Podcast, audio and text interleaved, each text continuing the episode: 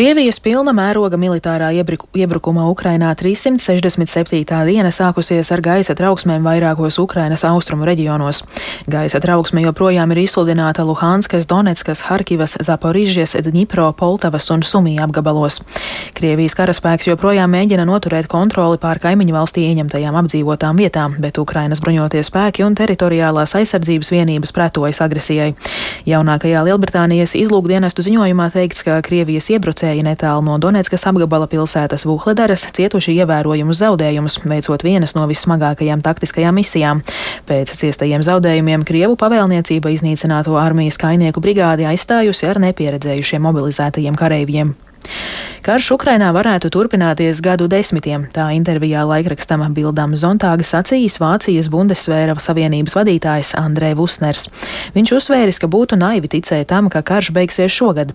Vusners arī sacīja, ka Putins neatkāpsies no saviem militārajiem mērķiem un arī turpmāk mēģinās destabilizēt Eiropu. Plašāk stāsta Rustams Šukūrovs.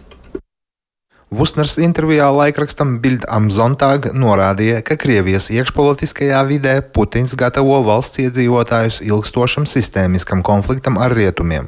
Līdz ar to Vusners ir pārliecināts par to, ka Eiropa piedzīvos gadu desmitiem ilgu karu. Vusners uzsvēra arī to, ka NATO būtu strateģiski jāsagatavojas šim scenārijam. Šajā sakarā viņš arī norādīja uz nepieciešamību pēc Bundesvēra ātrākas nostiprināšanas un pārbruņošanas. Tikmēr vecākais Minhenes drošības konferences līdzstrādnieks Niko Lange uzsver, ka NATO būtu jāmācās no tā, kā visa Ukrainas sabiedrība pretojas Krievijas agresijai un kā Ukrainas spēki ievieš jauninājumus kaujas laukā. Rietumu valstu bruņoto spēku pārstāvjiem būtu jāatzīst, ka Ukraiņi spēj izdarīt daudzas lietas labāk nekā mēs, norādīja Lange. The first recognition is that Ukrainians are able to do many things better than we are. Pirmā atziņa ir tāda, ka Ukrāņi daudzas lietas spēja paveikt labāk nekā mēs, un es reizēm saskaros ar augsta līmeņa karavīriem NATO bruņotajos spēkos, kuri mazliet augstprātīgi runā par Ukrāņiem. Āk, Ukrāņiem vajadzētu mācīties, Ukrāņiem tas būtu jādara vai tas, bet patiesībā viņiem vajadzētu iet un mācīties no Ukrāņiem.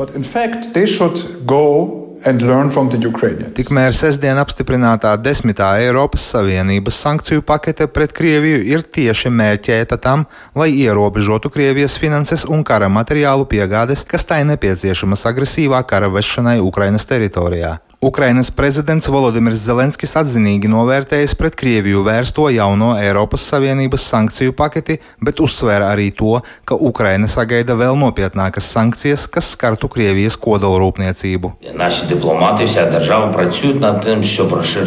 Mūsu diplomāti un visa valsts strādā pie tā, lai globālās un jo īpaši Eiropas sankcijas attiecinātu uz Krievijas kodolrūpniecību, Rosatom, visām teroristiskās valsts raķešu programmām kodola šantāžā iesaistītajiem.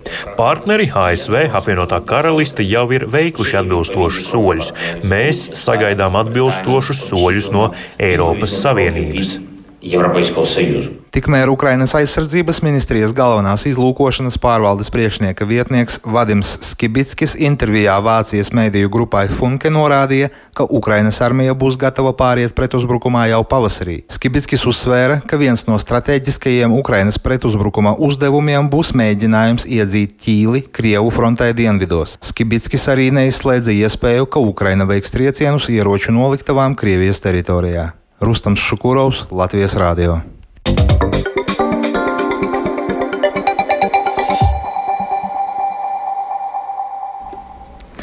Kāds vērīgs Latvijas radio klausītājs vakar vakarā atsūtīja satrauktu ziņu, ka Latvijas atklātajā čempionātā peldēšanām Ķīpsalas peldbaseinā piedalās Krievijas sportisti un tiek demonstrēts arī agresoru valsts karoks. Latvijas radio informāciju pārbaudīju un izrādās, ka klausītāja satraukuma pamatā ir kāda savdabīga nianse, kas plecu pie pleca ar latviešiem tiešām ļauj peldēt Krievijas un arī Baltkrievijas sportistiem. Situāciju skaidro Mārtiņš Kļavinieks. Latvijas Peldēšanas federācijas mājaslapā teikts, ka 98. Latvijas čempionātā startēs pašmāju, kā arī Igaunijas, Somijas, Ukrainas, Maltas un Itālijas sportisti. Arī pie Ķīpsalas peldbaseinā ēkas griestiem redzami tikai šo valstu karogi. Tomēr Latvijas Peldēšanas federācijas prezidents Aivars Platonovs Latvijas radio pastāstīja, ka sacensībās nepiedalās sportisti, kas atbraukuši no Krievijas, bet agresoru valsts pilsoņi, kuri ir Latvijas rezidenti, pārstāv vietējos klubus. Čempionāta titros tiešraidē parādās Krievijas karoks, jo sistēmā to nesot iespējams nomainīt. Federācija apsvērusi iespēju titrus nerādīt vispār. Čempionātā kopumā piedaloties trīs vai četri Krievijas un Baltkrievijas pilsoņi, visi esot jaunāki par 16 gadiem. Vēl startē seši Ukraiņas pilsoņi, kā arī bērni ar Armēnijas un Kanādas pasi. Šo bērnu vecāki jau ilgstoši dzīvojot Latvijā, bet tas raisa jautājumu. Ja reiz izglītības ministre Anna Čakša no jaunās vienotības vienotības pats liecas atņemt valsts finansējumu katram, kurš startētu sacensībās plecu pie pleca ar krieviem vai baltkrieviem, kāpēc no valsts budžeta finansētās meistars sacīkstēs piedalās agresoru valstu pilsoņi. Latvijas radio turpinās pētīt šo saudabīgo situāciju gan dienas ziņās sešos, gan nākamnedēļ.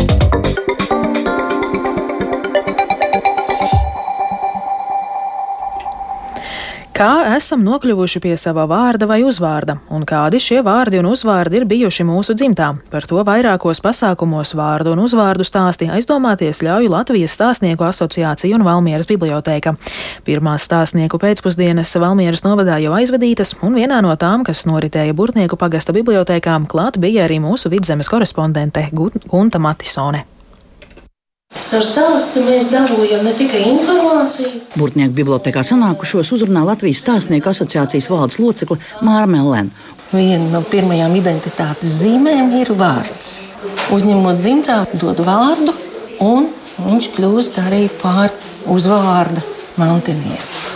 Šie pasākumi ir arī daļa no starptautiska projekta. Tas ir Latvijas stāstnieku asociācijas projekts identitātes ainavas, vārdu un uzvārdu stāsti, kas ir tapis sadarbībā ar Somijas dzīvā mantojuma aģentūru Livind, kas pēta mantojumu šodien un tā iespēju šodien, šeit un tagad. Māra Melēna pasākuma dalībnieks aicina vispirms iepazīties, izstāstot savu vārdu un uzvārdu stāstu. Mans vecais tēvs gribēja, lai es sauktos par Doroteju, jo mana tēva senči visi nāk no Rubāžas mūžas ļaudīm. Mans vecais tēvs ir varona pēctecis, jo viņš izmantoja savas pirmās naktas tiesības. Bet kā tad mums ir radušies vārdi? Turpina Māra Melēna. Pavisam senos laikos cilvēki mēģināja iedot debesu ķermeņa vārdus. Lietuviešiem vēl joprojām meitenes sauc par saulēm. Tad ir nākošais modelis, ka mēs dodam vārdu tā, kā ir bijis manā dzimtā. Tur ir tā saite ar vecāku paudzi, un tāpēc mums, piemēram, šobrīd ir gan daudz almu, karalīnu. Bet tad jau nonākam līdz mūsdienām, kad pēc vārdiem varam uzzināt, kura kinofilma, grāmata, mūziķis vai sportists tajā laikā, kad dzimta bērniņš, bija populārs. Bet ir laika posms, kad vārdu izvēle ilgāku laiku daudz nemainās. To baznīcas grāmatās izpētījusi Burtnieku draudzes priekšniece Dace Kalcinava. 1774. gada vecākā baznīcas grāmata, kur nav uzvārdi, un tur diezgan vienādi tie vārdi tajā laikā, kur aiziet tālāk tajā dzimtā, vēl joprojām uz priekšu. Priekš. Tas ir apmēram 150 gadus vieni tie paši. Jā, bet kā tad ar uzvārdiem? Izrādās, burtnieku pusē lielākoties doti koku un putnu vārdi. Tā diezgan tādi smuki tie uzvārdi, nav tādi nesmukie. Un ļoti interesants viens uzvārds, kas ir 800. gadu sākumā un 800. gados ir uzvārds Snickers. Nu, tā kā batoniņš. Savs interesants stāsts par uzvārdu ir arī Vāmijas bibliotekas novadpētniecības speciālistei Agitē Lapsai. Mans dzimtais uzvārds ir Zilpauš, un tas ir eh, cieši saistīts ar amatas pusi, masalaca. Izrādās mežos norās aug puķīte, kuru tautā sauc par zilo pautiņu. Un pilnīgi iespējams, ka šis zilais pautiņš ir nevis nelabskanīgais vārds, bet gan puķītas nosaukums. Valmijas integrētā biblioteka iesaistījusies šajā projektā, kā stāsta Agita Laps, jo tā ir iespēja atkal kopā pulcēt cilvēkus. Vārdu un uzvārdu stāsti tiek dokumentēti, filmēti. Tie tiks saglabāti un, kā stāsta Māra Melēna, būs pieejami arī ikvienam interesantam. Nu, tas ir kultūra vēsturisks materiāls, kurām vērtība pieaugs. Vārdu un uzvārdu stāstu pēcpusdienas turpināsies arī martā Burtniekos, Masalacā, Sadā un arī Valmierā. Gunta Matisona Latvijas Rādio vidzemē. Atjaunotajā Rīgas cirkā ēkā šovakar notiks Nacionālās kinobalvas lielais Kristaps apbalvošanas ceremonija. Balvu par mūža ieguldījumu filmu mākslā pasniegs kino dramaturgam Alvim Lapiņam. Pēc viņa scenārijiem veidotas vismaz 30 Latvijas filmas. Starp skatītāju iemīļotākajām ir ģimenes filmas Emīla Nedarbi un Ziemassvētku jāmpadracis.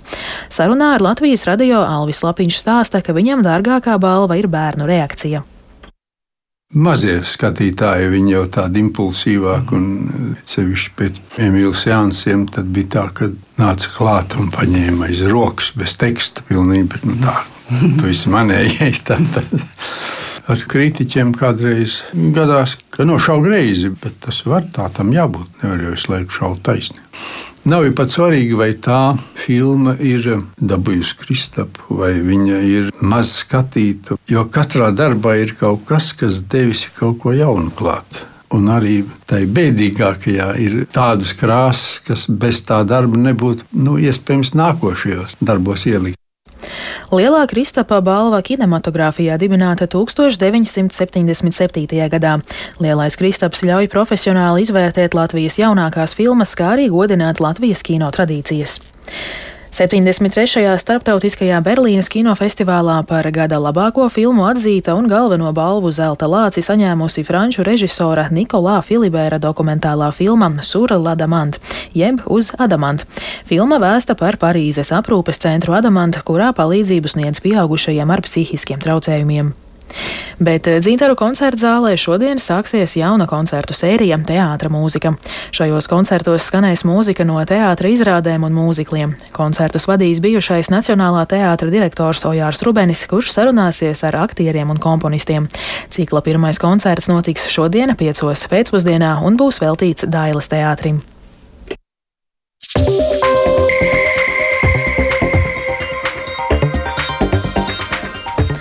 Ar to arī izskan 26. februāra dienas ziņas 12. dienā. Producente Vija Bremse ierakstus montēja Kaspars Groskops, pie skaņu puls Katrīna Bramberga, bet studijā Laura Zaķe. Īsumā par svarīgāko vairākos Ukrainas austrumu reģionos šodien skan gaisa trauksmes sirēna. Šovakar uzzināsim Nacionālās kinobalvas lielais Kristaps laureātus. Un vēl noslēgumā tikai par laikapstākļiem. Yeah.